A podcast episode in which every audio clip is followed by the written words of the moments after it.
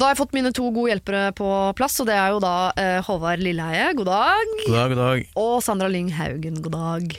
Ikke noe Haugen. Er har vi tatt bort Haugen helt?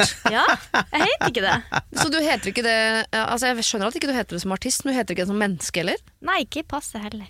Hvem er Haugen, og hvor ble han av? Jeg vet ikke. Du, du, du heter jo det på et punkt. Ja. På et punkt heter hun det. Ja. Ja. ja. Nå er det bare. Lyng. Og du skal ikke, det blir ikke noe flere etternavn heller etter hvert, i og med at du har en Uh, Jo da, jeg ja. Ja. forlova, så jeg kommer jo til å hete Langerud etter hvert. Sandra Lyng Langerud. Lyng Langerud. Ja. Lyng Ja, det, Langerud. er, det er litt gøy. Lyng Langerud. Klinger Ja. litt. Ja. Ja. Så kiden heter Lyng Langerud, eller? Ja. Ja, så fint. Jeg har ikke sett deg siden før du ble mamma. Går det bra på andre siden? Nei, Jeg har ikke vært noen plass enn inne på sofaen, øh, føles det som. Så det, det, ja, det går kjempebra nå. Mm, Ja. Dritbra. Litt tøft i starten. Ja. Ja, sånn er det ofte. Ja. Men eh, du har jo ikke bare føda én unge, du har jo nettopp føda en til, og da mener jeg julelåt. Du føda en liten julelåt Ja, i går. Den var litt lettere. ja, den ble mye fortere glad i den. Ja. Du skriker ikke om natta. Nei, det er jo ikke det. Man kan jo være søvnløs pga. låter òg. Ja, det er sant. Det er, ganske, det er jo egentlig en litt mørk låt, for den, det er liksom en låt som går ut til de som ikke har det så bra, Ja, rett og slett. Det er ganske mange òg. Ja, det er jo det. Det var derfor jeg tenkte at de fortjente sin egen julesang.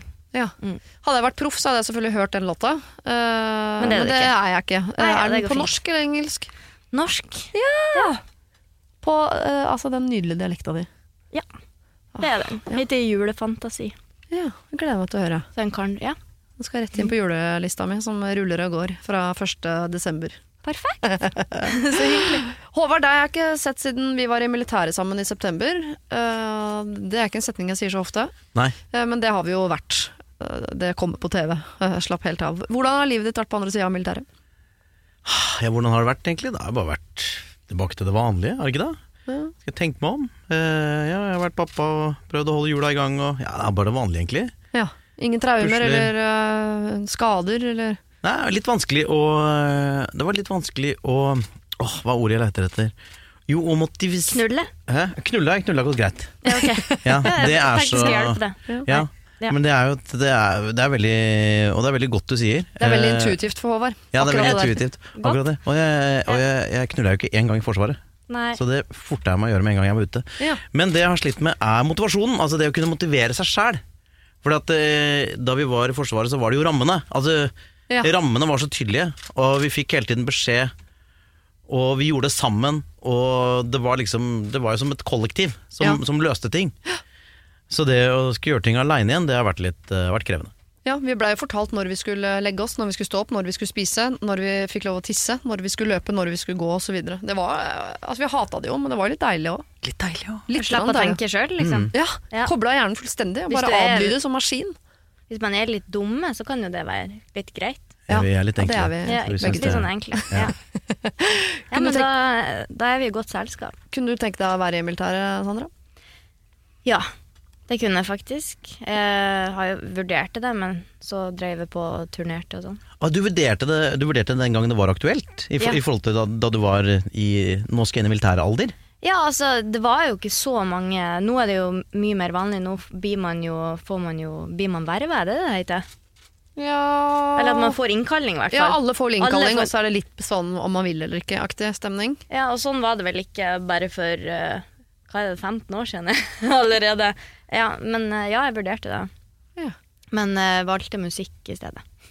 Ja. Ja. Det er jo sikkert ikke så dumt. Altså, ja. Du hadde ikke gitt ut julelåt hvis du hadde valgt militæret foran uh... Det kan hende det hadde blitt noe Rammstein-greier i stedet for noe søt musikk, da. Ja. Kanskje jeg hadde blitt beinhard. Ja. Oh, det hadde vært, eh, det, du hadde kledd det òg. Ja, jeg hadde det. Ja. Ja. I dag skal du få mulighet til å være begge deler. Du skal få lov til å være øh, myke Sandra på norsk, eller du kan være Rammstein-aktig når du nå skal hjelpe folk. Og du, øh, Håvard, også kan plukke fram alle sider ved deg selv, de er det mange av, det vet jeg. Eh, Og gi øh, råd fra både hjerte, mage, hode og hofte, alt ettersom. Ja. Til deg som hører på, hvis du har problemer du ikke har sendt inn, så er altså Sandra og Håvard her til klokka 11 i dag og fra 9 til 11 i morgen. Eh, Så send inn til sirialfakrøll radionorge.no. Siri og de gode hjelperne. Hei, Siri og de gode hjelperne. For fire år siden fikk jeg en nylig liten sønn. Det var min første og så langt eneste unge.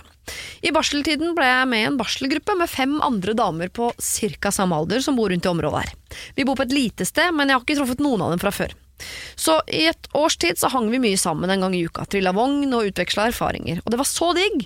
Men så kom hverdagen, og jeg begynte å jobbe igjen, og fritida mi gikk eh, med til gamle, vante mønstre som trening og venninner osv. Jeg følte ikke jeg hadde tid til barselgjengen lenger. Uh, hadde jeg elsket de, så hadde jeg selvfølgelig funnet tid, men du veit. De andre fem er sammen hele tiden, og hver gang de treffes, så ber de med seg meg. Og det er hyggelig det, men det trenger de egentlig ikke. Og nå begynner jeg å bli lei av å lyve om at jeg ikke kan, for så å gå og være redd for å møte dem tilfeldig ute på gata. Så det jeg lurer på er, kan jeg si dere trenger ikke å be meg med noen gang igjen? spør Laila. Oi. Er det lov? Og dette er jo ikke bare barsel, det er, dette skal være mulig å sette seg inn som mannen også, Håvard. For dette kunne vært en kompisgjeng du ikke likte, men som hele tiden ville ha med seg deg på ting. Ja, Som du vokste opp med, kanskje, som du ikke har noe til felles med lenger? Ja, man, det, det hender jo at man vokser fra hverandre her Ja. i livet, både i den ene og andre relasjonen. Jeg eh, Det føles som litt sånn lite sted. Skummelt å gjøre på lite sted. Ja.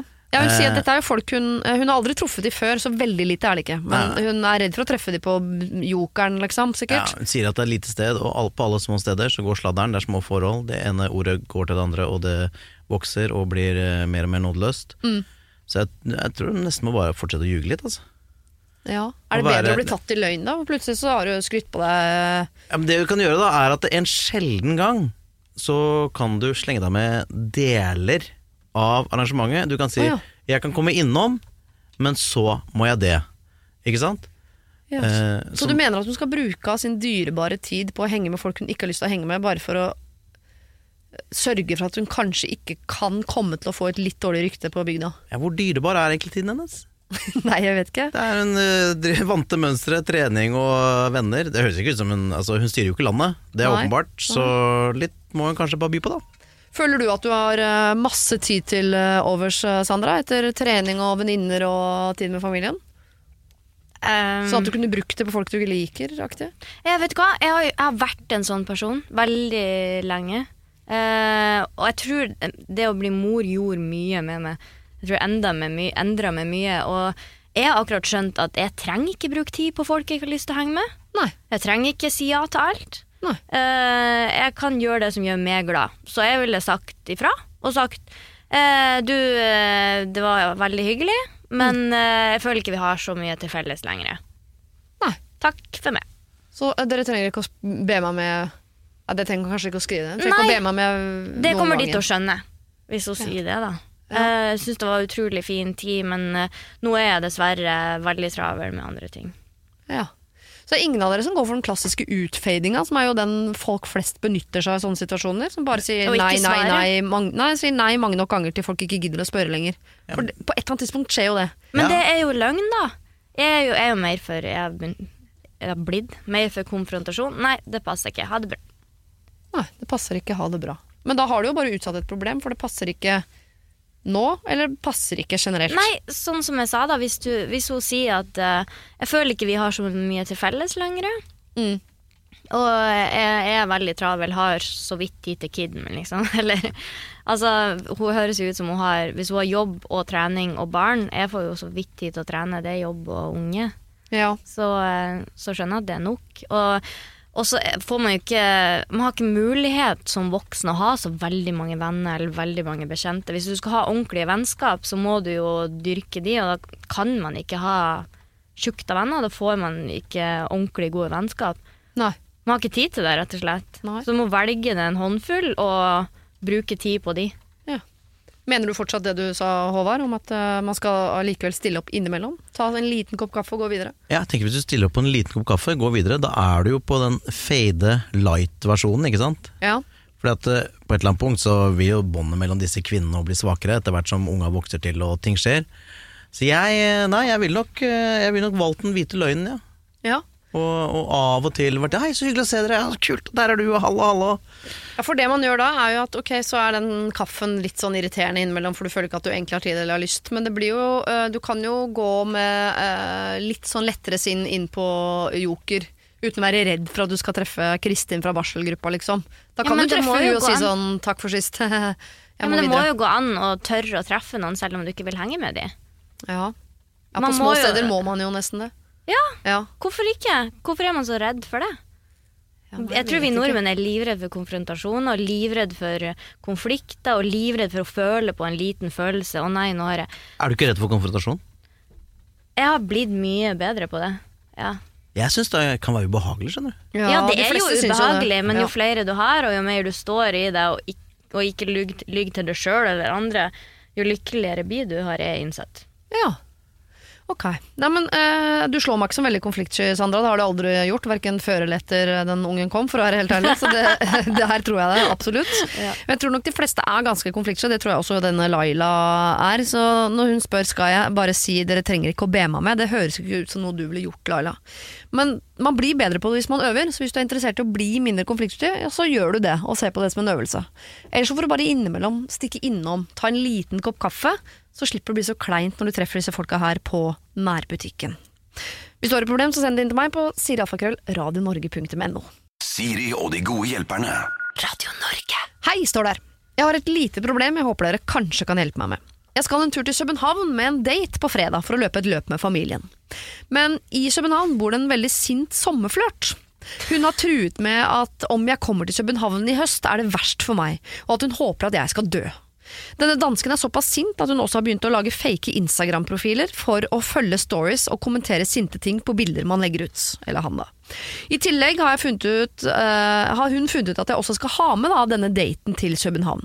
Så hun har nå begynt å kommentere bildene hennes på Instagram, og ellers så sender hun meg meldinger hver uke om hvor stygg og jævlig denne nye dama er. Vi er begge litt bekymret for denne turen. Hvordan skal vi unngå å bli knivstukket av denne sommerflørten på en kald og våt høstdag i København? Takk så mye, sier da Emil. Han overdriver nok litt her, Emil, for den frykten for knivstikking, men eh, han har altså flørta med en gæren dansk dame som er hakkende forbanna fortsatt. Jeg lurer på hva han gjorde for å gjøre henne så forbanna. Om han Ja. kanskje fortjener det, liksom. Og ja, ja, det er en måte å se det på. Jeg har bare tenkt at hun var ko-ko. Han har ikke gjort noen ah, ting annet enn å ikke like henne, og da klikka det for hun. Ja. Ja. Så da er det jo en mental pasient vi snakker om her. Ja, og Ja, da er kanskje den knivstikkinga ikke så far off off. trenger hjelp. Ja, For det hørtes jo veldig gærent ut. ja. Hva gjør man da? Nei, hva Jeg- gjør man? Du. Vet du hva, jeg tenker jo at dette her er jo Hvis han er eh, skikkelig interessert i den nye daten, da er det sånn blessing in disguise. For du har en felles fiende, ikke sant? Du, Ja, har, du har noe som binder dem knett, tettere sammen. Uh, han drar til København, får gjort unna dette løpet, uh, lurer på hva det er. Men uh, da er jo de to sammen, og de vil alltid de vil gå litt sånn tettere. Mm. Fordi de er redde for om psykoen dukker opp på hvert hjørne. Og akkurat den felles fienden, dette finnes det jo masse eksempler på, på. Og felles frykten, det vil knytte dem tettere. Så jeg, dette vil jeg bare hoppe i, altså. Ja, jeg tror du kan, fordi Ikke bare at det er felles fiende, men bare det å ha et felles prosjekt det er ofte det som avgjør om eh, en date eller en vennekveld for den skyld er gøy. Ja, man har hatt en eller annen greie som skjedde den kvelden som man snakker om i ettertid, og som blir liksom en sånn snakkis. Så uh, At den turen til København blir spennende, det er ikke jeg i tvil om i det hele tatt. Bare en ting han må passe på. Ja. Ikke gjør seg selv til sånn offer. At liksom det er synd på han fordi hun er sånn og Det er, det er, det er stusslig. Og for du mener at det er usexy hvis Emil går rundt og er litt for redd? Så han Ja, ja, hvis, ja hvis, han, hvis han gjør det Med sånn sånn. Ikke mer sånn 'Å, stakkars meg som må face gærne damer'. ja. Det, det vil jeg ikke ha noe av. Nei. Det, bare Rydd bort det, men se på det. Ok, nå må vi se om hun dukker opp. Da må vi være på, på alerten. Da må vi bare stikke. Det er jo gøy. Eh, så, så er det et kjempefint prosjekt, men eh, ikke gå i offerfella. Ikke gå i offerfella. Kanskje ta med ei ekstra T-skjorte, for hvis du møter den, den dama på en bar, hvis hun ikke er på knivstikkenivået, kommer antageligvis til å helle en drink over han. Ja. Så det kan være litt lurt. Og pakke en bag, ja. Ja, eller en ha med en ekstra Ja. ja, T-skjorte, kanskje. Men tenker du også at dette kan bli nesten litt sånn romantisk? At du er med en fyr på en helgetur til København, og der har dere en eller annen gæren dame som potensielt kan overfalle dere hele tiden? Hadde du liksom vært med på den dramatiseringa? Ehm, Det er besnærende, da. ja, det, det er jo litt merkelig. Altså, men nå er jeg kanskje jeg litt skeptisk, men jeg tenker at det må, må være noe rart med han fyren òg, som tiltrekker seg steingærne folk. Ja. Og hva er grunnen til at hun ble steingæren? Hva gjorde han? Det tenker jeg, da. Er han Emil så jævla englaktig, liksom? Her må jeg bare bryte inn og si at det er mange vanlige fyrer som har tiltrukket seg gærne damer opp igjennom. Ja, er det har du unik. erfaring Det med? er Nei, nei, det var ikke det jeg sa, men jeg sa at på generelt Er du en vanlig fyr? samfunns... Veldig vanlig fyr. Ok. Eh, så, så det kan skje.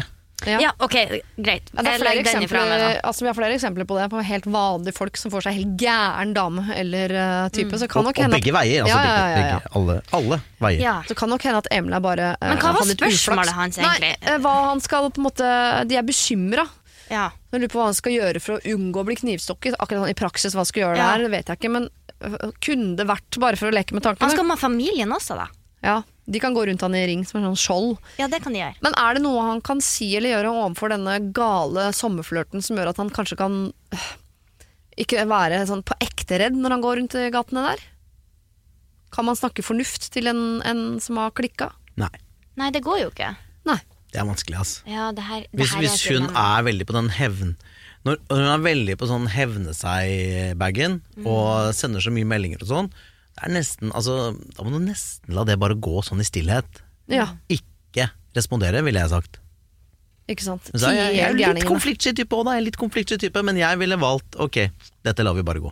Kanskje ikke legge ut eh, snapper hvor du er nåværende tidspunkt, og, eh, og stories hvor du er nå. Ta heller ta, Lag en story, lagre den og legge den ut litt senere, sånn at ikke hun møter henne på det stedet og kjenner det igjen.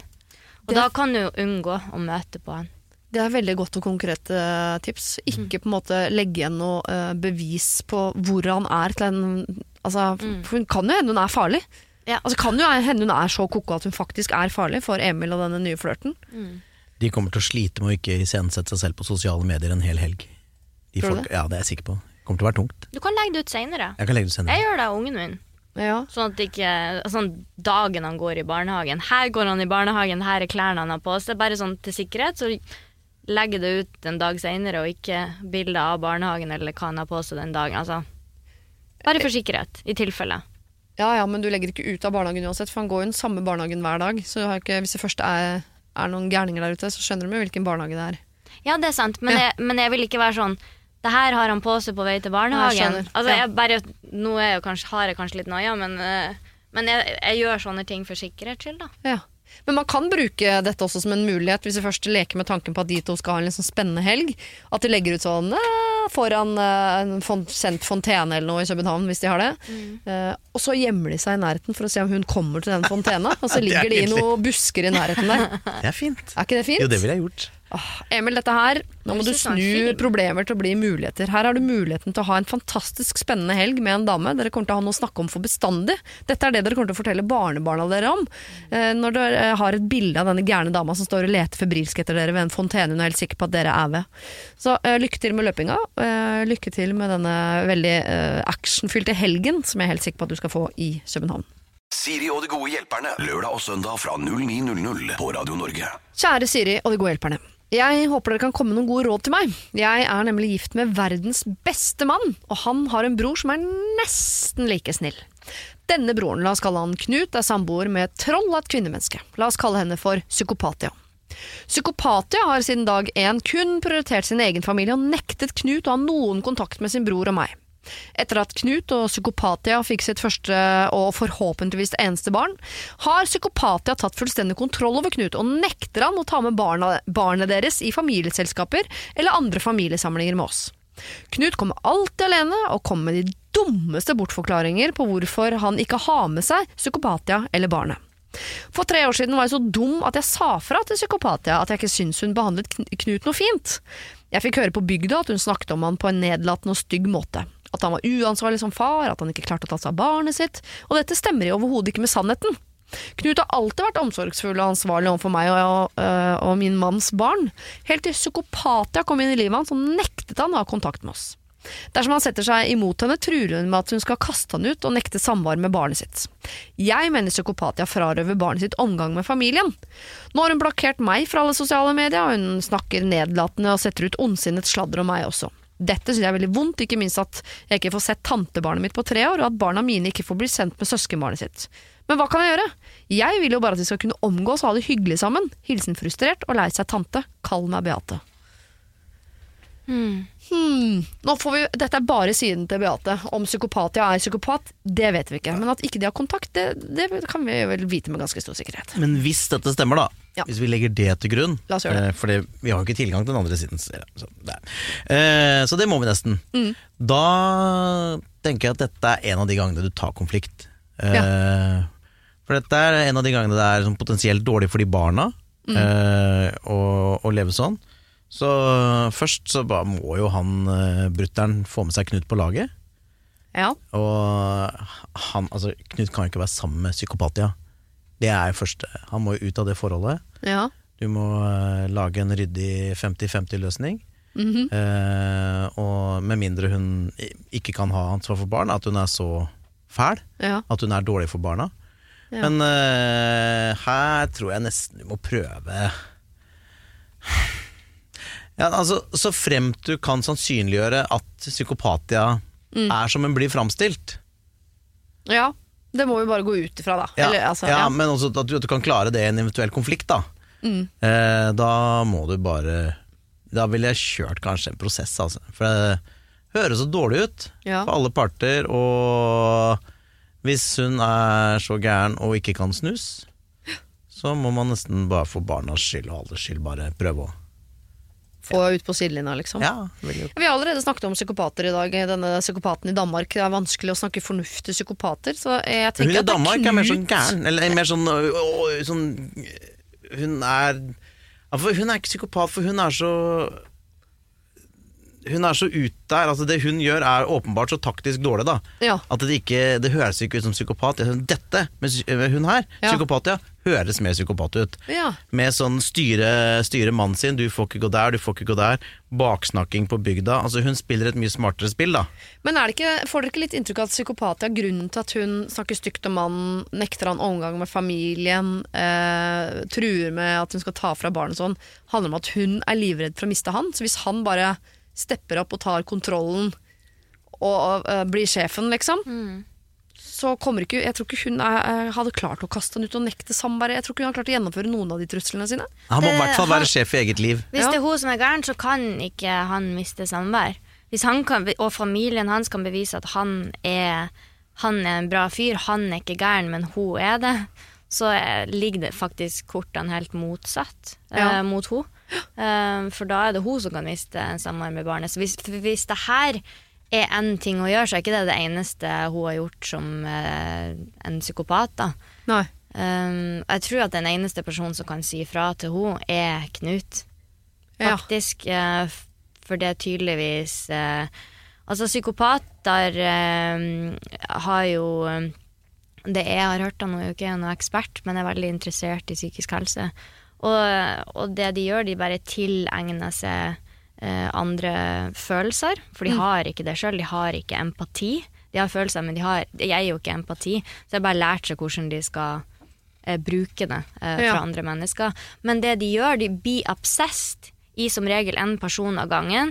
Eh, du kan kalle det kjærlighet, men jeg tror bare at det er eh, rett og slett sånn at de, de blir Det er det eneste som betyr noe, det er denne personen. Og det høres ut som eh, at Knut rett og slett er i psykopaten sitt grep, og det er kjempevanskelig å komme seg ut av. Men jeg tror han er den eneste som kan si ifra. Hei, jeg skal møte familien min. Ja. Og det er ingenting du kan gjøre med det. Nei. Ja, fordi nå øh, jeg, jeg tenker at kanskje mm, Beate og psykopatia, det er ikke de to som sitter på nøkkelen til noe som helst her. De skal, Ja, det er ikke de som skal finne ut av det. Nei. Det er mannen til Beate og Som broren. Knut. Det er jo de to som må på en måte time seg opp her og finne ut av ting. Ja, er det ikke det? Jo, og det jeg syns er sånn eh, skummelt, da, det er jo eh, Igjen, hvis vi gitt at denne versjonen stemmer, er altså at eh, hun da går på bygda Mm. og prater dårlig om sin egen mann. Ja. Setter ut sånne rykter om han, at han er en dårlig omsorgsperson. Det er potensielt ganske Det er skadelig, ass. Ja. For han. ja. Og for, for, alle, for hans relasjoner, både på alle, på alle mulige plan. Mm. Eh, så det må jo Jeg ville sagt at det må bare stoppe. Ja. Men samtidig, eh, vi skal ikke gå noen lang runde på det, men jeg tenker at psykopatia, det er ikke sikkert hun er psykopat. Kan jo hende hun bare er ekstremt sjalu eller ekstremt usikker eller Og at hun og Knut faktisk, når de to er alene, så har de det skikkelig bra. At de har noen kvaliteter som par som vi eh, ikke leser om, og som ikke Beate og mannen klarer å se, fordi de ser dem ikke sammen. Så hadde det jo vært fint hvis mannen til Beate og Knut kunne snakket om en måte å få til at Knut eh, kunne ha med seg barnet sitt på besøk og sånn, men at han allikevel kunne bli i relasjonen med psykopatia og være mamma, pappa og barn, da. Det kan jo hende de hadde klart å reparere det, og allikevel at Beate fikk lov til å se sitt, eh, sin lille nevø. Ja, men hva hvis du gjorde en eh, litt sånn uh, hemmelig avtale? Ja, barn vil jo alltid sladre, da. Men, eh, og vi møttes tilfeldigvis på samme kafé til samme tidspunkt. Ja. For eksempel uh, Knut og, og ungen. Og Beate og dattera si og broren. ja. Man kan jo prøve det. Det vil sikkert bli helsike, men hvis man sier at eh, det var ikke planlagt. Shit.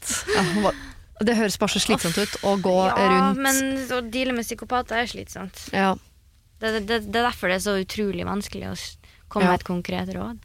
Hvis det er som du sier, Beate, sånn at hun er psykopat, så må vi jo få Knut ut derfra. Da må Knut ut derfra. Hvis det bare er at hun har et eller annet problemer som dere ikke har noe innsikt i, at det er et eller annet som er vanskelig der, men at de to har det bra, at hun er flink mamma og egentlig en fin kjæreste, og at det er bare noen ting der som er vanskelig, så må dere jo uansett så tenke at veien inn her er at dere må snakke med Knut.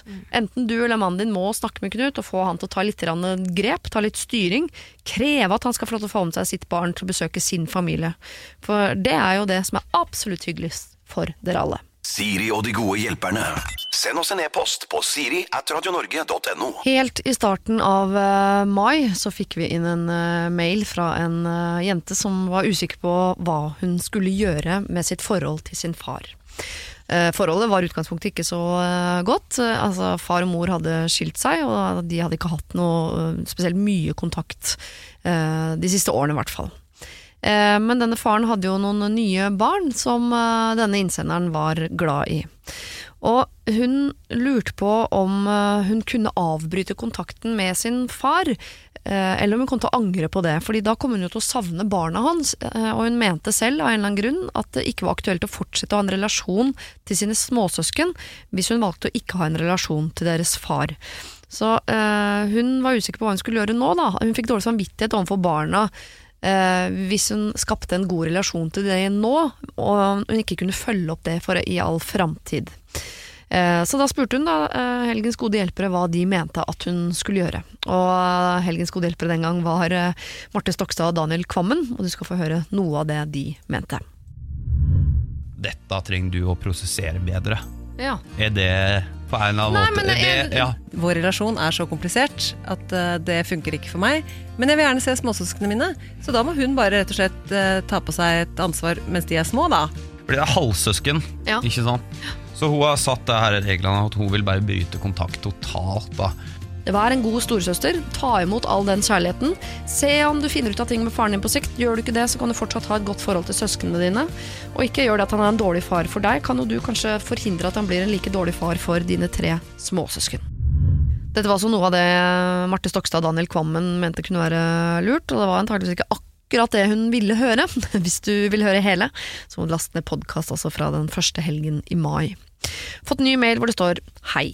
Litt sent svar, men bedre sent enn aldri. Jeg syns det var vanskelig å høre problemet bli diskutert, men jeg forsto en del av poengene. Jeg har ikke kommet så mye lenger, men tenker litt som dere sa, at jeg bare må ha et forhold til barna til pappa nå som de er i livet mitt. Og jeg vet jo ikke hvordan ting utvikler seg, og det er dumt å leve på en viss måte nå, fordi jeg har bekymringer for fremtiden. Takk for at du tok opp problemet, tror det satt ting litt i perspektiv. Og jeg får ikke sagt det nok. Eh, Jeg får ikke sagt det nok, jeg får ikke tenkt det nok engang, for jeg klarer ikke å leve etter disse reglene selv, men jeg liker å si de høyt, eh, for å sette ting i perspektiv. Vi må slutte å ta tak i problemer nå som ikke fins, men som kanskje en dag kan bli et problem. Jeg bare tenker, Det er nok problemer her og nå, om ikke vi også skal ta tak i de problemene som kanskje kommer. Det betyr ikke at ikke man skal være føre var og ikke tenke framover og ikke være eh, litt rasjonell og alle de tingene der, men å ta tak i problemer som ikke fins, det syns jeg høres mye ut, eh, med tanke på at det alltids er noen problemer som faktisk fins. Har du et, så send det gjerne inn til uh, sirialfakrøll radionorge.no. Hei, fine hjelpere, står det her. Jeg er 24 år, og dere kan kalle meg for Sigrid. Dere kan kalle kollegaen min for Andreas. Jeg jobber i et stort firma hvor jeg og mine kollegaer sitter i åpent landskap. Problemet er at min kollega som sitter rett ved meg, da, er en svært merkelig og trolig Altså han er en merkelig fyr, og trolig mangler han sosiale antenner. Her kommer min beskrivelse av han, og jeg har klippet den så det kommer bare som punkter for å, å, å rekke gjennom. Han har bustete hår, slappe klær. Hver gang han bøyer seg, ser man rumpesprekken.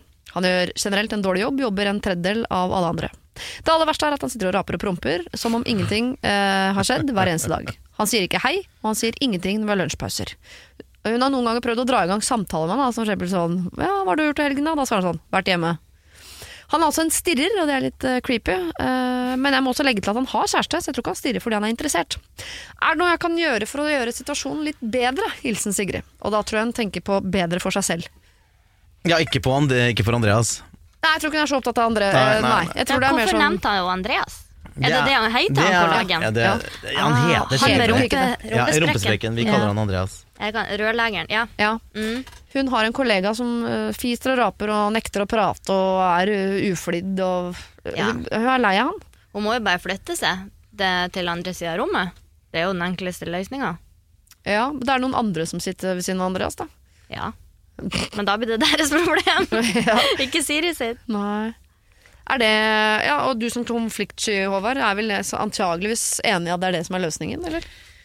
Jeg syns det var noe fint her òg. Dette er jo inkluderende arbeidsliv. Altså, her har du en fyr, ikke spesielt veltilpass, men med en liten restarbeidsevne, som har en jobb å gå til. Ja. Det er jo også en solskinnshistorie, da. At han ikke sitter hjemme aleine uh, hele dagene. Så det der er jo I alle sånne store organisasjoner Jeg har ikke vært i så mye store organisasjoner, men jeg har vært, jeg har vært, litt, jeg har vært innom eh, større mediebedrifter, i hvert fall. Ja. Da er det sånn at eh, en del At det, det blir så stort, og den sånn enkeltpersonen er jo ikke sånn dødsviktig, ikke sant? eh, og hvis du da har noen som er for dårlig eh, i forhold til hva di, dine egne kriterier er, så er det ofte liksom vondt å fjerne vedkommende, ikke sant? Det, sånn er det jo. Ja. At det, så da blir jo de ofte på en måte værende fordi det er nesten ah, Det er døvere å gå Du, du er for dårlig, du kan ikke være her. Da tenker du på Det det, at han jobber en tredjedel da, av alle andres tempo? Ja, ja, ikke sant? At han er jo, Ifølge henne da, så er han jo en fyr som ikke bidrar så mye som man kan forvente av en arbeidstaker. ikke sant?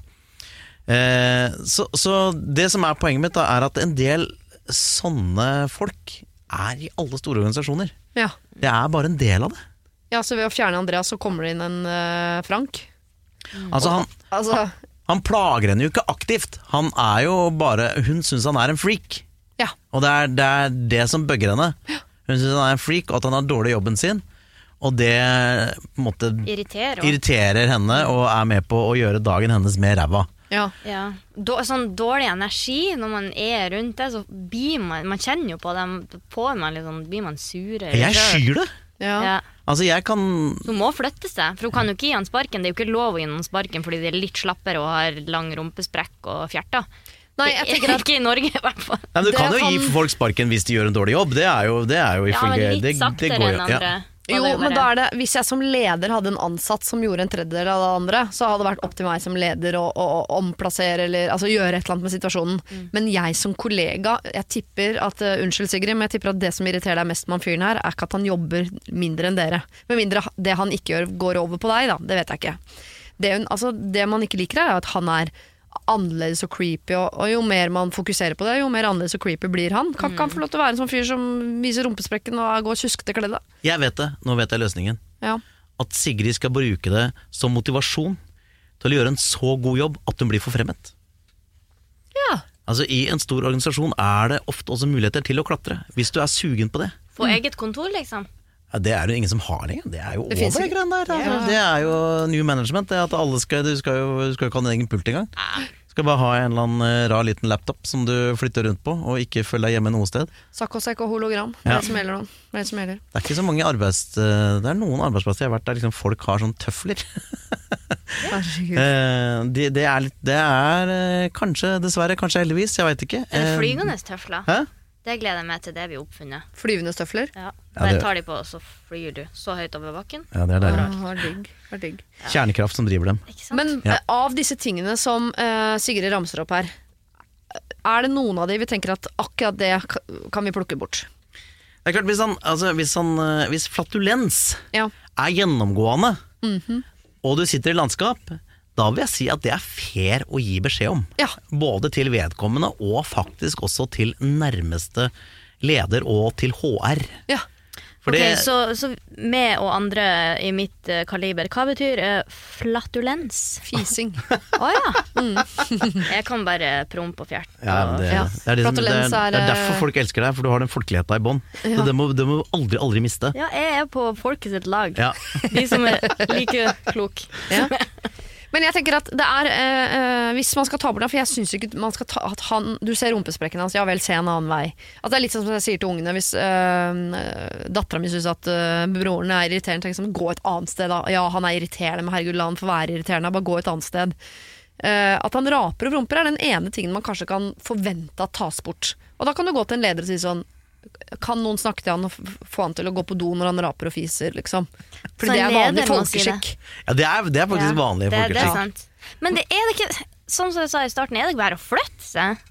Hvis det er et svært landskap, så må det jo finnes en pult som du kan bytte med noen. Eller hvis noen slutter, så tar du den første til å ta den plassen der. Ja. Så slipper du der. Ja. Så ser du han bare når dere er ja, i gangen eller i heisen. Ja. Enig, du kan flytte deg lenger unna, men jeg tenker at nå, jeg tipper du nå syns han er så irriterende at du syns han er irriterende når du er hjemme hos deg sjøl og han ikke er der engang. Sitter og irriterer deg over han fyren. Ja, du kan jo slutte litt- bytte yrke. Det, det. Jeg syns litt synd på Andreas. jeg. Ja, så jeg Han er jo sånn- en misfit. Hadde Andreas vært broren din eller sønnen din, eller sånn, sånn, la nå Andreas få jobbe, da. Han er ikke som dere andre, men det er vel samme det, liksom. Så jeg tenker det, det aller letteste du kan gjøre, er å bare ta bort irritasjonen din. For det er ikke sånn, han gjør ikke noe slemt. Hvis det er irriterende fordi at han ikke svarer langt på spørsmålene om han, hva han har gjort i helgen, så slutt å stille han spørsmål. Han virker som en fyr som liker å være aleine. Han er jo Um, ikke interessert i henne. Nei. Nei. Det, kanskje det er det som plager Sigrid. Han er ikke interessert i deg, Sigrid. Han gidder ikke å jåle seg til. Han pynser ikke for deg. Han Nei. fiser rundt deg. Han, han gidder ikke å svare på spørsmålene dine. Han er ikke, han, Sigrid, han liker deg antageligvis ikke. Han er som kjæresten har vært sammen med i ti år. Ja. Det plager vettet av deg, Sigrid. Det er greit. Flytt deg litt lenger bort. Ja. Snakk til en leder om at han må slutte å fise og rape i åpent landskap. Men i all hovedsak, bare slutt å irritere deg. Andreas er annerledes, og han er ikke så innmari opptatt av deg. Siri og de gode hjelperne. Radio Norge. Helgens gode hjelpere er jo Håvard Lilleheie og Sandra Lyng. Snart Sandra Lyng Lauvåsen? Nei, hva var det? Langerud. Langerud, ja. Ja, det er vi ikke så ikke langt når unna. det skjer, men eh, ja, vi er nå forlova i hvert fall. Apropos Kompani Lauritzen. Ja. Jeg vil si Langerud er veldig bra som militærnavn. Ja. Ja, Kompani Langerud. Ja, du Langerud! ja, jeg må gifte meg og, Hei, og Langerud, bli med er på det våpenet ditt? der. Ja. Sant? Ja. Ja, det er veldig militært navn. Ja. Jeg liker det veldig godt. Eh, jeg hadde tenkt å spørre dere litt om eh, hvordan søndagene deres vanligvis eh, ser ut. Dere to er jo ganske forskjellige mennesketyper. Er vi? ja, Er dere ikke det? Er vi? Jeg tror- Kanskje ikke ikke så forskjellige, egentlig. Ganske Jeg folkelige og glad i musikk, begge to. er kanskje litt like. vi ja, jeg tror vi begge er ærlige. Ja, prøver, prøver. Uh, ikke flaue seg. Nei, det har jeg mista på veien. Jeg er. Liker å game og dårlige TV-serier. Ja, jeg er litt dårlig på gaming, det, men det er litt sånn du game, Gamer du nå mye når du har, etter at du har fått barn? Nei, jeg har ikke så mye tid til det. Nei, men så det, det man, litt ut. gaming kan man jo hvis Ja, man spiller på telefon ofte. Ja. Det det? Jeg ser Men det er ikke Fortnite lenger. jeg Har ikke tid til det. Nei. Selv med ny oppdatering. ser Ex on the Beach med, med kjæresten min, så der er vi jo inne på samme Mm. Ja. Jeg går tilbake til Nanny. Husker dere det som gikk på TV før? Fins det? ja, det fins. Er er det hun som kommer hjem og hjelper folk med oppdragelse? Ja, det er en uh, Maxwell. Nei, Nanny ja. McPhee, er det ikke det hun heter? da?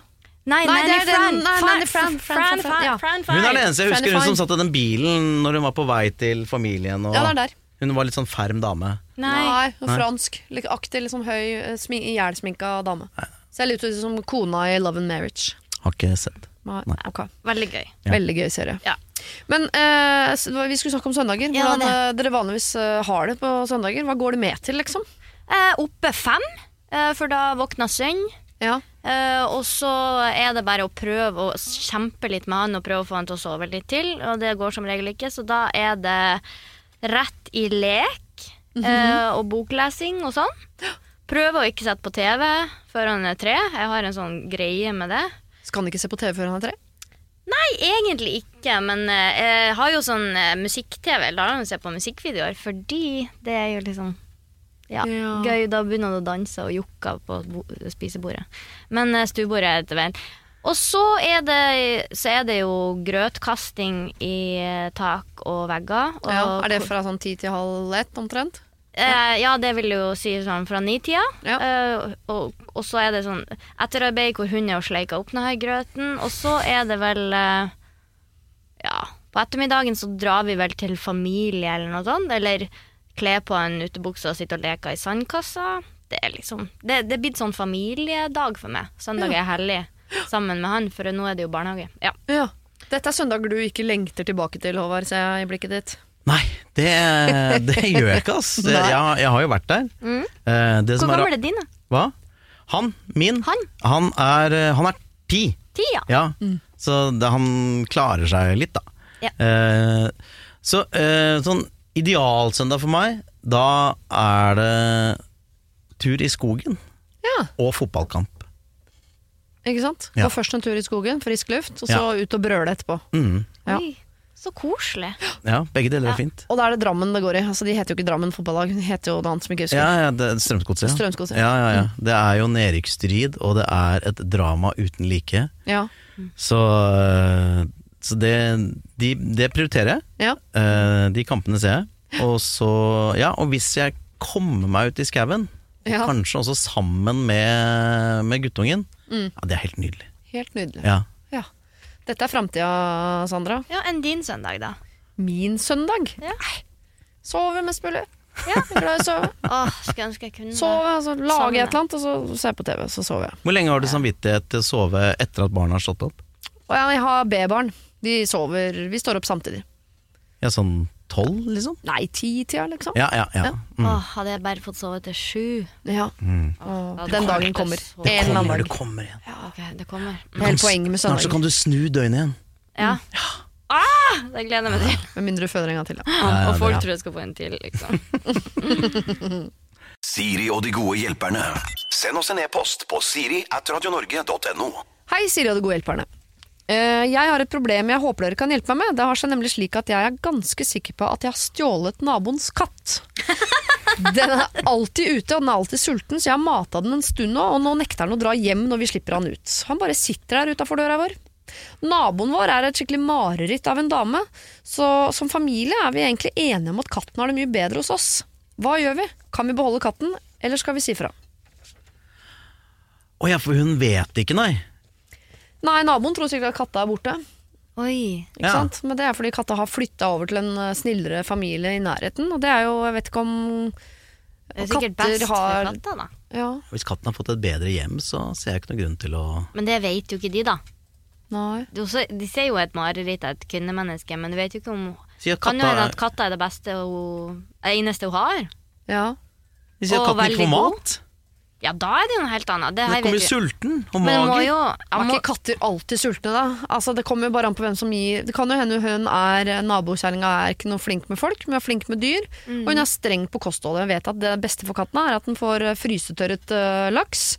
Ikke de uh, leverposteiboksene som eh, nabofamilien driver og fôrer den med. Ja, for det er jo ikke det beste for katten. Nei. Men eh, jeg syns jo de burde gå og prate med henne. Kan vi få kjøpe katta di?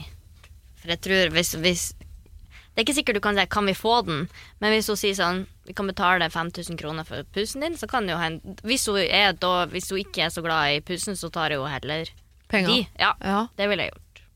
Ja, Det høres risky ut, altså. Hvorfor det? Nei, for at eh, hvis hun er et mareritt av en dame eh, Nå har vi ikke hennes eh, side av saken, men sånn er det alltid. Mhm. At vi må ta de som sender. Det er de, de sitter på en måte på sannheten. Ja, Det er på en måte privilegiet ved å sende problemer Ja. hit. Det er jo at man, Vi trenger ikke forholde oss til den andre siden av sannheten. Nei. Nei. Nei. Eh, så da vil jeg si da hører, Hun høres ut som en sta dame som Ja. vil si sånn Nei, nei, det er katta mi! Og det er klart, hvis hun hadde vært god mot katta si, Mm. da ville jo katta gått tilbake. Eh, det er jo det som er Det er ikke sikkert. Det kan være sånn som hun sier kostholdet, at hun får mer appellerende mat til den nye familien. Ja, det, ikke sant? det som er forskjell på eh, en katt og en hund, er jo at en hund kan jo elske, det kan jo ikke en katt. Eh, Er det bevist? Eller er det sånn hundehold... Alle, altså jeg har hund, Sandra du har hund. Mm, to. To. Håvard, du har ikke noe. nei, jeg tar av og til bikkja til faren min. Ja, ikke Så- sant? Så du er hundefyr. Ja, ja Nabo, du har tatt hund til naboen din? hund til, til Ja. Eh, men da faktisk etter avtale, da, eh, når jeg gjør det. Ja. Eh, Men den nekter å dra hjem når vi slipper den ut. Han bare sitter utafor døra vår. Er det et tegn godt nok fra en katt på at uh, eieren min er slem? Nei, jeg tror ikke det. Jeg tror det kan ha med at han får bedre mat der, rett og slett. Eller at de er oftere hjemme. Jeg vet ikke, men jeg tror ikke katter er sånn som han sier, da. Ve- Veldig på 'jeg elsker denne familien mer'. Det, det vet jeg ikke. Nei. Ja, du mener at katter ikke er i stand til å elske noe som helst? jeg sa jo det. Ja, Ja. du sa jo det. Jeg må jo stå for det. Du må det. Ja. Så Det er ingen barn som hører på dette programmet, så det går helt fint. Vi voksne takler å høre de greiene der. blir, blir, det- blir det sånn sinte mails fra katteelskere? Nei, det tror jeg ikke. Nei, de bryr seg ikke. Mm, jo da. De hever seg over. Ja. Ja, De slutter å følge det på Instagram, da. Ja. ja det, der er jeg så lite aktiv at det, det, Det kan du leve med. det, det, det går greit. Uh, jeg ah, Men altså, så, Men hør, da. Så lenge de bare gir katten litt mat, Mm. og så slipper den ut, og, og gir jo, de gir jo katten mulighet til å gå hvor den vil. ja, Ja, Så det er jo katten som velger. ja.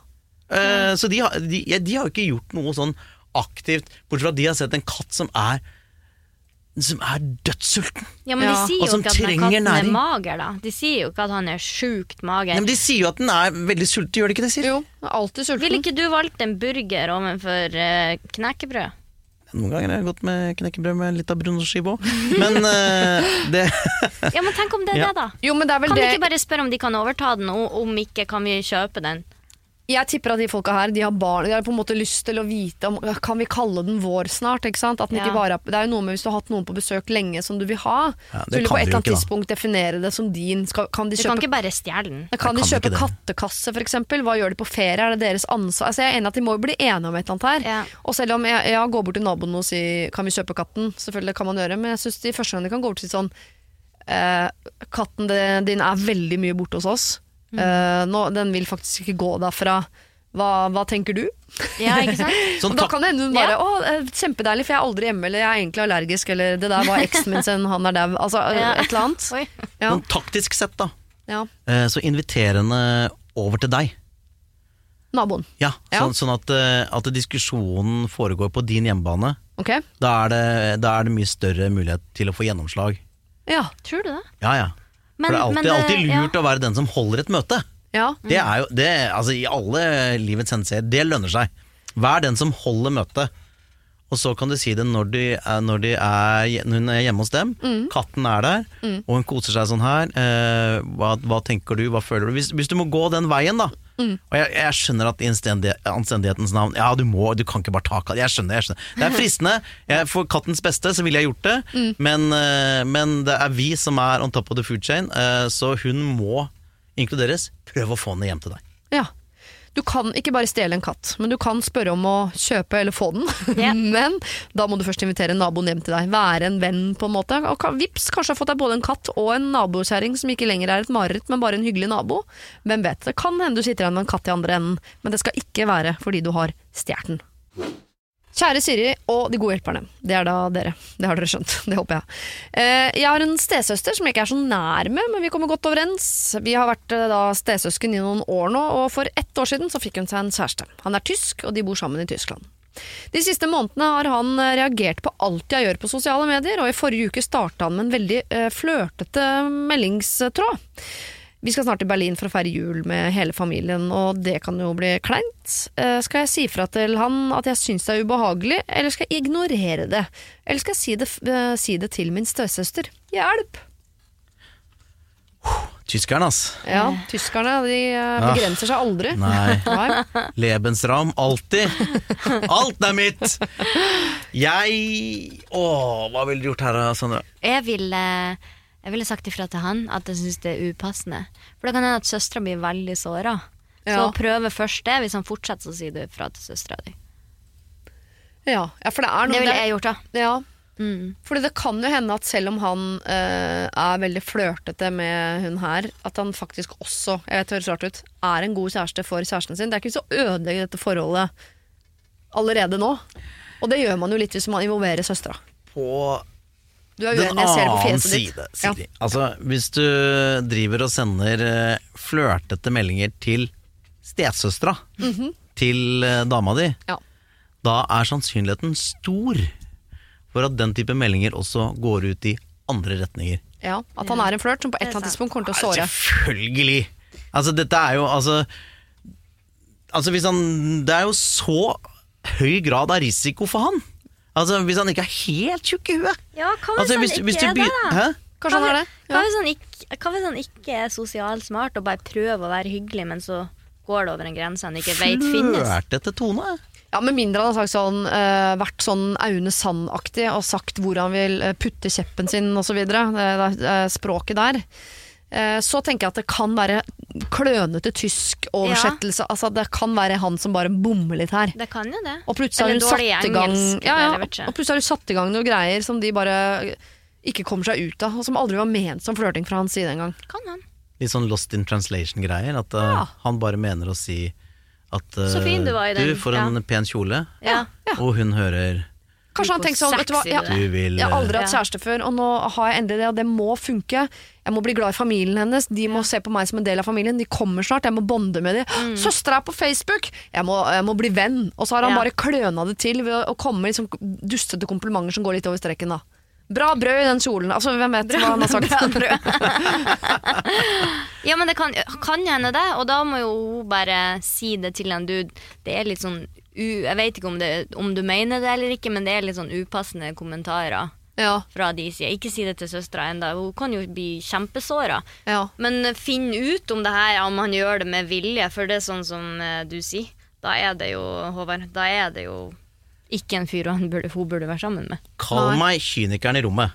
Det kan Ja. godt være det. Men altså, jeg, må jeg må bare si det igjen, altså. Hvis han driver og sender flørtete meldinger Og flørt, det er et universelt språk. Ganske. Ja. I, I hvert fall i vår Altså, vi, vi er jo begge da beboere i den vestlige verden, Ja. så vi har sånn noenlunde samme måte å forholde seg til hverandre. ja. Og det er ikke sånn at det er vanlig i Tyskland å liksom legge seg etter søstera til dama di. Nei, det det, det er nok ikke sånn sosialt kjempebra der heller. Det er ikke tysk kultur, det. Nei, så jeg, Unnskyld. jeg, jeg er skeptisk til tyskeren. Ja, men ok, Så hva mener du hun skal gjøre? At hun nå skal si det til søstera? Eller skal hun dra ned til Tyskland i jula og tenke sånn Jeg må se an situasjonen. Hvis han idet hun kommer inn døra også er At han er flørtete i måten å være på der, Ja, så må hun jo bare slå hardt ned på det. Ja, tar hun noe på ræva da, da er det jo noe rart. Ja. Vær på eh, vakt, vær på vakt! Ja. ja. Se, det- se, det, se det an og ta det opp med han først. Hvis ikke det blir bedre, ta det opp med søstera. Men da må vi også bli enige om tidsperspektivet her, fordi nå uh, er det starten av november. Uh, det vil si at det er ikke så lenge til de drar. Altså, Hun har uh, gode seks uker på seg til å ordne opp i dette. Eh, fordi hvis de skal gå fra hverandre Skjønner du? Hvis, det, hvis det, vi snakker brudd her, så må vi jo finne ut av dette før jul. Vi kan jo ikke dra ned og feire jul i Tyskland hos eksen til stesøstera. Altså, det er en del ting her som må ordnes opp i ganske fort. Eller skal man bare la det overse det nå fram mot jul, ta tak i det i jula? Ja, for at hvis det er klumsing i ordforrådet, rett og slett, så eh, kan det jo eh, Så kommer jo til å merke om det er noe mer når de møtes. Ja. Det er jo litt vanskelig. Altså, Det, kanskje, kanskje han skriver på engelsk, da, siden det her kanskje er nordmenn som ikke kan tysk. Ja. Og da er det jo veldig lett å misforstå. Eh, fordi man sier ting på norsk på en annen måte, eller de sier ting på tysk på en annen måte. Skal du oversette til engelsk, er du ikke så god, og så Ja, ja, Det er som du sier, fin kjole, prøv å bli venn, og så, uh, og så, ja, så sier han du er fin i stedet, kanskje. ja. Og da er det jo det er noe helt annet. Nå prøver vi å være sånn, eh, legge godvilja til og være naive jenter, og så kommer Ja. kynik- kynikeren eller mannen i rommet da, eh, og sier at dette, her, dette er flørting. Kan legge ut noen Ja. prø- prøve, prøveposter til i sosiale medier, Mhm. eh, og se hvordan han responderer. Eh, danne deg et enda bredere bilde Mm. eh, før eh, jula inntreffer. Eh, Berlin er jo uansett en eh, deilig by, Mm. så den turen ville jeg ikke vært foruten. Dit ville jeg reist. Ja. Og, og så eh, må du heller ta Å, herregud, det får et oppgjør på julaften! Ja, ja, ja. Det er dogme. Åh, Dette er dogme. Dette er dogme, ja. Ja, ja, ja. Sjøl er jeg ikke så glad i Berlin, jeg vil ikke dra til uansett. Men eh, jeg tenker også at du kan legge ut noen poster nå for å, å sjekke litt framover. Legge ut noen flere poster på sosiale medier. Men, uh, og idet han har lagt ut en Bare spill litt dum også. Hvis han har lagt ut en sånn oh, bra brød i den kjolen. Tagg søsteren din etterpå og si sånn Å, denne kjolen her er den jeg snakket om at du kunne låne, bare for å se om hun også legger Ja, merke til sånn Her har min type sagt det der? Det er jo ikke innafor i det hele tatt. Ja. Koble på søstera litt sånn eh, Ja. På en litt sånn klumsete måte, liksom. ja. Er, det, er Ja, jeg kyniker i rommet garderoben nå? Spille, spille, spille. spille. Spille, spille, Ja, ja. jeg liker det. Jeg jeg liker det. Jeg liker det. Ja. Det likte Mm. Ja. Nå har vi vært all over the place i dette problemet, eh, så her kan du gjøre som jeg gjorde i godterisosken da jeg var barn. Jeg gikk inn og så plukka jeg de tingene jeg likte aller, aller best, og det kan du også gjøre. Har du lyst til å konfrontere? Har du lyst til å lokke? Har du lyst til å feire jula i Berlin osv.? Her kan du bare ta akkurat de rådene du har mest lyst på. Siri og de gode hjelperne. Jeg har nylig startet i ny jobb i et stort selskap. Jeg er med i et team på rundt ti personer og har passe mye ansvar. Men problemet mitt er at jeg er veldig introvert. Alle andre på teamet er kjempesosiale, også med hverandre. Det er felles lunsj hver dag. Det er øl etter jobb hver fredag. Det er bursdagsinvitasjoner i helgene, altså hele pakka. Når jeg først starta, trodde jeg at jeg ville komme naturlig inn i gruppa, men det har ikke skjedd. De gangene jeg prøver å hoppe inn i en samtale, så kommer jeg liksom ikke til ordet, og jeg trekker meg tilbake. Jeg er med på alt det sosiale, men jeg dilter bare etter. Nå har det begynt å gå utover jobben, og de andre på teamet får mer og morsommere ansvar enn meg. Så hva syns dere jeg kan gjøre med det? På forhånd sjenert takk. Jeg jeg er litt usikker. Altså, hun er introvert, og hun sier at hun er sjenert, øh, men hun blir med på alt. Jeg vet En som, man går litt i surr i begrepene her. Som introvert så hadde hun antakeligvis ikke blitt med heller på alle de sosiale tingene. Jeg tror heller hun har et problem med at hun er sjenert. Hun blir med, men hun føler ikke at hun Bidrar og med noe Ja. morsomt og Ja, men det kan jo være at hun Ja. er også eh, At hun er i utgangspunktet introvert, men altså hun har likevel et ønske om å være med på Ja. det folk på jobben gjør, Ja. med å prøve, men ikke får det til. Så det, jeg tenker jo. at det kan gå opp. Ja, Og ikke vært også at hun da. ser at uh, det begynner å gå utover jobben. Ikke sant? Og det er jo jeg har alltid vært så irritert på det. Sånn, «Å, er det en del av min jobb å skulle være sosial? Har det noe å si for hva jeg får av oppgaver på jobben? og sånn? Jeg synes, det syns jeg kan være litt provoserende, faktisk. Men, Ja, det men det er jo sånn. Ja, dessverre. Sånn er det vel i de, i de fleste jobbene. Ja. Og noen ganger så er det da man lager deals, når man får en god tone med en kunde. Når, jeg vet jo i andre bransjer enn det jeg har, så er man jo på, på og julebord, og det, er liksom, og det er da de gode Ja, når man føler at hei, vi har noe til felles, la oss ta et møte på mandag. Det er da ting kan skje. Så jeg ser jo den. Ja, for sjefen husker deg bedre, for han husker også Altså Det er noen sånne ting som jeg skjønner at Ja. det bare er der, og vi kommer ikke rundt det, selv om det er irriterende da for folk som er mer sjenerte. Jeg skjønner det er vanskelig for introverte folk. Blir jo slitne av å være rundt folk. Ja. Så eh, Men hva kan man ja, gjøre kan med kan man det, da? Her, er- I et sånn tilfelle så ville jeg jo valgt full åpenhet. Ja. eh, og bare fortelle dette er det jeg sliter med, Mm. fordi jeg er som jeg er.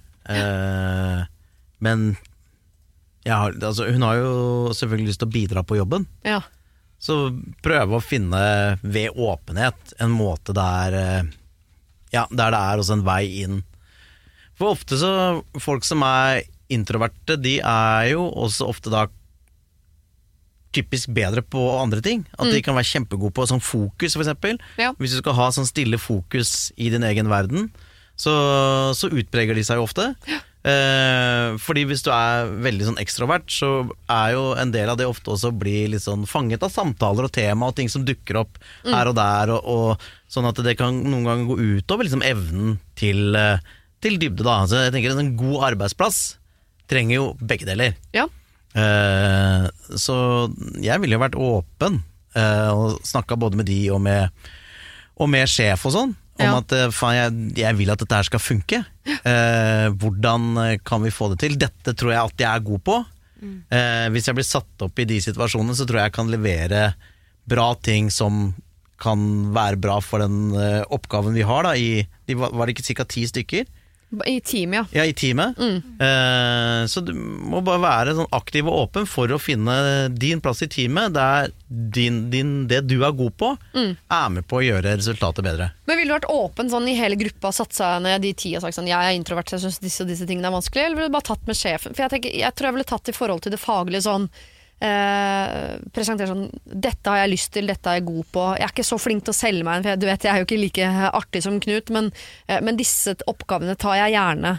Og så vil jeg heller bare Det som jeg syns er veldig deilig med introverte eller de som er mer sjenerte, er at det tar lengre tid å bli kjent med de. Men ofte er det de jeg ender opp med å like best. Ikke han klovnefrans Klovne-Frans som er veldig frampå, og som blir først kjent med, og som er den lolleste av alle og sånn. Han blir du kjent med, og så blir du lei av han, da. Ja, og så det er er det de som eh, surfer sånn sakte inn fra sidelinja. De blir, mye, altså, de blir man ofte mer glad i. Men jeg har en tanke. Hva, is- hun blir antageligvis sliten av alle de tingene hun blir invitert på, og syns det er kjedelig å si nei. Men hva hvis hun hadde, hun hadde vært den som inviterte, og gjort det i et trygt miljø, nemlig hjemme hos henne sjøl? Ja. Og da kunne hun kanskje gjøre det til en sånn casual fest. Så kunne hun invitert kanskje to av sine beste venner i tillegg, som hun vet hun er trygg på, som gjør at hun kan være seg sjøl, som ville bidra til at eh, til den joken der, og som ville ledd uansett. Prøv det. Kanskje det kan være en, en Ja. soft start. Ja, for jeg tror ofte at eh, når man treffer en gjeng da, med masse sosiale folk, treffer en som er litt mer sjenert, så kan man vel ofte tenke sånn Å ja, du er ikke så interessert i å være med som oss. Så hvis man da bjudar på, inviterer inn til et eller annet hos seg selv som man er komfortabel med, så viser man sånn Jo, jeg har kjempelyst til å være sammen med dere masse, jeg. Jeg, bare, jeg er ikke den som er først opp på bordet og leker afterski midt i april, liksom, uansett sammenheng. Men uh, ja, det syns jeg er et veldig godt forslag. Og så bare snakke med sjefen om at han vil ha flere og større og kulere oppgaver. Og det hun kan gjøre da, er jo å invitere til et eller annet spill, eller spillkveld, Ja. eller uh, rett og slett sånn uh, Ja, hva er det det heter? Sånn Nei, det er kanskje å dra det litt langt. Nei, hva er det du tenker på? Jeg tenkte, tenker på? jeg tenkte på sånn her Just Dance på PlayStation etter noen drinker. Eller sånn ja, Gjør det som er hun er komfortabel med hjemme hos seg. Kanskje det kan øve henne på litt. For at blir hun bedre kjent med dem, så blir hun mindre introvert. Da blir hun trygg, ikke sant? Ja. Finne en aktivitet som hun elsker, Ja. og få de andre med. Ja, ikke sant. Ja. Og så må hun jo selv det ta stilling til om hun har med noen andre, for jeg ville synes det var flaut å skulle blande mine venner med jobbvenner. For da måtte jeg please i begge leirer, og da hadde, jeg, da hadde det gått helt i ball for meg. Så det vil jeg, de to verdenene hadde jeg holdt adskilt, men der er man jo forskjellig, så må du jo tenke på sjøl hva du vil uh, der. Men uh, snakk med sjefen om at du er introvert, men at du allikevel har eh, disse og disse egenskapene og har lyst til å gjøre dette og dette på jobb, sånn at du får like spennende og morsomme oppgaver som de andre. Og uh, prøv å invitere inn til noe som du er komfortabel med, og så ta deg god tid. Du har nylig starta i dette selskapet. Så om du bruker litt bedre tid på å bli kjent med de andre enn det de gjør, så tror jeg ikke det har noe å si på sikt. Siri og de gode hjelperne. Her leser jeg et problem hvor det står hei. Og jeg bare sier fra det, jeg merker at på øh, problemene vi får for tiden, at vi nærmer oss julebordsesongen. For det er en del spørsmål som handler om øh, sosiale tilstelninger på jobben. Hei, jeg har en kollega, øh, la oss kalle henne Trude. Trude er den på firmafest som alltid blir for full. Irriterende full. Hun blir også veldig glad i gutta på jobben, uavhengig om deres sivilstatus, hva den er. Noen få syns at det er stas med oppmerksomhet, men de aller fleste syns det er veldig ubehagelig. Sjefen vår er eh, veldig konfliktsky, så hun er det nok ikke noe god hjelp i. Så hva gjør vi andre, da? Hvem skal ta det opp med henne? Eh, Jeg kan jo legge til at vi er et lite selskap, så dersom vi skulle ha løst det med et allmøte, så ville det blitt veldig tydelig hvem det er snakk om. Og da tror jeg hun mener sånn allmøte som i en her i dette rommet er, eh, blir for full. uten sånn å nevne navn. intervention. Ja. Altså, enig det forslaget legger vi bare bort. Men eh, sjefen, som vanligvis skal ta sånne ting, er konfliktsky, og da mener jeg da burde du jo ikke vært sjef i utgangspunktet, men da hadde Enig. ikke hatt mange sjefer igjen i dette landet. Så eh, hva, gjør, hva kan man gjøre da? Det sånn helt praktisk Ja. er at man kan jo sende ut en sånn eh, Litt sånn uh, mail eller ta det sånn Dette er generelle kjøreregler for julebord. Ja. Uh, vi har, det har vært en metoo-bølge uh, som har skyllet over verden. Eh, dette er hva vårt firma tenker om eh, hvordan vi tar det. Koble til av og til, Ja. for eksempel. Jeg tror du ikke Trude leser den mailen og tenker sånn Å ja, metoo, ja, gutta, skjerp dere. Så går hun på dansegulvet og begynner å tafse på folk. Tenker dette gjelder jo ikke meg. Ja, tror du det? Ja. Jeg tror ikke kvinner tenker at metoo altså, at det er noe vi driver med. Selv om det er det jo. Det er jo, ikke sant, og det er jo hvor mye tafsing skal man tillate. Jeg husker jeg var på, på en jobb, eller på jobben, og da var det sånn en av de jentene jeg jobba med som, som slo meg på rumpa da vi liksom gikk og skulle finne mat til lunsjen, Mm. som var en litt sånn gøy ting. Ja. Og jeg husker jeg tenkte, ah, det var...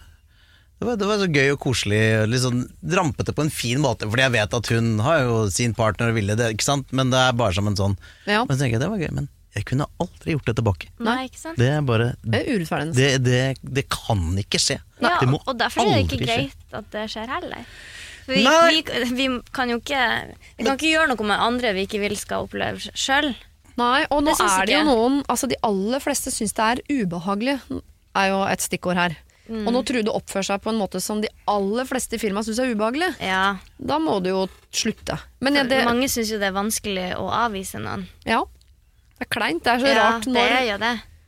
når noen oppfører seg dårlig, så er det de andre det er kleint for. Det synes Jeg er så Jeg vet at det er sånn, det syns jeg er veldig fascinerende. Nå oppfører du deg som en idiot, det er flaut for meg. Hæ? Ja, Veldig rart. Men eh, man kan jo la være si til folk eh, ikke, ikke spander shots på dama her, f.eks. Ja. Prøv å gjøre det litt sånn. Eh, eller bare tilby masse vann. ja. Kan man gjøre det på den måten? Passe på henne, liksom. Ja, vær litt sånn eh, på vakt. eh, kanskje når hun begynner å bli skikkelig full, så kjenner hun jo ikke hvor mye alkohol det er i drinkene, så kan du spørre bartenderen litt sånn Kan du ta litt mindre i hennes drink? Ja, når hun ber om eh, vin, så tar du bare ja, så tar du den alkoholfrie. Ja. At man uh, samkjører seg sånn. For hvis hun, hvis hun er sånn at hun blir skikkelig drita, til slutt så kjenner du jo ikke smaken på drinkene dine. Nei, det Ja, er men sant. hun her hun er, så, hun er så klar for de gutta at hun blir jo placebofull Ja, det kan uansett om hun drikker alkoholfritt, og hun kommer Hun går for det. Eh, det altså På Først, da. På Ja. alle arbeidsplasser så er det noen folk som er irriterende. Ja. Eh, og gud, så kjedelig det hadde vært på arbeidsplasser òg hvis det ikke var noe irritasjonskomment. Ingenting å sladre om. Ingenting å si Han er jo helt idiot, har du sett hva han driver med? Eh, så det, det hører jo med arbeidsplassens på en måte sosiale spill å gjøre. Eh, så det kommer an på hvor drøy er Trude. Ja. Hvor vanskelig er det egentlig, ja, liksom? Er Trude litt sånn uh, på dansegulvet med, med puppene fram og danser litt tett? Mm. Eller er liksom hånda på balla? Er det hånda på balla, da er det no-no. Da, Ja. da må det liksom Ok, du, dette går ikke, det er for langt, dette må tas. Og så kan det jo som ansatt også være lov å si fra selv om uh, sjefen ikke makter det. Mm. Men hvis hun bare er litt sånn dust, Ja. da må han kanskje få lov til å være litt dust. Kan du bare lene deg bak med vina di og se på det som underholdning? Du ser jo på Ex on the Beach antageligvis. Se på det her. Ja. Live underholdning. Live entertainment. Ja, og så tenker jeg også litt sånn hvor, Når ble det at Trude tok uh, Frank på pungen, som Frank syntes var ubehagelig, når ble det noe som vi som firma har tatt tak i? Med mindre Frank går direkte til sjefen og sier sånn 'Dette syns jeg er ubehagelig, du må hjelpe meg'. Fordi Her får jeg litt inntrykk av at her er det en av de andre damene i firmaet som ikke liker Trude så godt, som har lyst til å lage en greie ut av hun Trude som er så Kanskje hun er sjalu, rett og slett? Ja, hvor- At ikke tenker, hun tør sjøl? Kan ikke Frank si fra til Trude direkte når, når han blir tatt på balla? da? Det der liker jeg ikke. Må, Ja. Hvorfor må vi vente til mandag med å ta det opp i, i plenen? Kan vi ikke bare ta det der og da? Ja, for det er alle, Ikke gjør det. Ja, for det, det er faktisk et litt godt poeng. At det, da, det er jo sånn i verden at noen ganger så må du stå opp litt for deg sjæl. Ja. Så hvis det skjer ting du syns er behagelig og Det er jo ikke sånn En ting hadde vært hvis uh, Trude var direktøren. eh, og, var, og var seksuelt på sine undersåtter. Eh, da, da ville det vært et problem. Her er det en kollega. Eh, går hun for langt? Du, bare si ifra. Det er jo Det føler jeg det er noen av de endringene vi har sett eh, i samfunnet og i arbeidslivet Ja. de, de siste åra. Og det er bra. Ja, Ja. Så et, det må jo være lov. ja. et spørsmål, var det jenter som hadde sendt det her inn? Ehm, Det- det, vet, det står det jo ikke noe om, men det tror jeg. Ja, for det, det du kan gjøre da, hvis det er et kvinnfolk Husker vi blir så glad i gutta på jobben. Jeg bare tenker at hun blir glad i oss gutta. Eller noe sånt. Hadde stått hvis det var en gutt Ja. som skrev inn. Ja, ikke sant? Mm. For det hun kan gjøre da, det er å gjøre den litt sånn venninne-approachen, rett og slett. At du bare Du, må bare si deg en ting. Eh, nå er det noen som ler litt av at du har drukket litt mye. Kanskje ro litt ned. Jeg sier det bare fordi jeg bryr meg. Jeg har ikke lyst til at noen skal le bak ryggen din, liksom. Ja. Eller, eller jeg har hørt at det ble snakk om det. Kanskje, kanskje du passer litt på, da. Ja. Hun kommer jo, Trude kommer sikkert til å bli litt lei seg, men heller det enn at alle skal le av henne. Ja, At man sier nå før neste firmafest sånn Du, Trude, forrige gang gikk det jo, jeg vet ikke om du husker det, men da var jo du Ja. helt utpå glattisen. Mm. Hvis du vil, så kan jeg hjelpe deg, liksom. Hvis du trenger en som sier stopp når du har lyst på shot nummer fire, så kan jeg godt Ja. være henne. ja. At man gjør det som hjelp, rett og slett. Det er ikke dumt. Og da vil du heller sette pris på det, Ja. faktisk. Ta snakk med Trude. Og bare si 'don't kill the messenger'. For at, eh, ja, heller det enn å bli gjort narr av. Ja. Hvis du har det i deg, så syns jeg du skal gjøre det. Ta, eh, snakk med Trude før neste fest, og tilby henne hjelp, rett og slett. Litt sånn venninnehjelp. Her kan jeg hjelpe deg. Og samtidig syns jeg at du kan forvente av de gutta på jobben som syns dette er veldig ubehagelig, at de får ta tak i det der og da. At ikke de skal bare være helt passive og forvente at dette tas opp som et uh, allment problem på jobben på mandag. Noe må man klare å ta tak i sjøl, det syns jeg. Og hvis det er sånn at hun bare er litt sånn litt for full, at det egentlig er litt sånn gøy, la henne bare holde på, da. Men er det klart, er det ubehagelig at er det i, under metoo-paraplyen, så skal det slås ned på på en eller annen måte. Men enten som kjærlighet fra deg, eller som liksom direkte fra Frank, som jeg velger å kalle han, idet han har eh, Trudes hånd eh, klamt rundt ballene. Eh, det var det siste jeg skulle si før jeg skulle si takk til dere. Klamt rundt rundt ballene. Tusen takk, eh, Sandra og Takk, takk. Håvard, for at dere ville være mine gode hjelpere denne helgen. Eh, masse god hjelp. Tusen, tusen takk. Dere er helt rå, begge to. Lykke til videre med julesangen din, eh, Sandra. Tusen takk. Og Håvard, hva sier vi til deg, da? Lykke til videre med Altså, jeg håper Strømsgodset rykker opp. Rykker opp. Ja. De skal jo holde seg.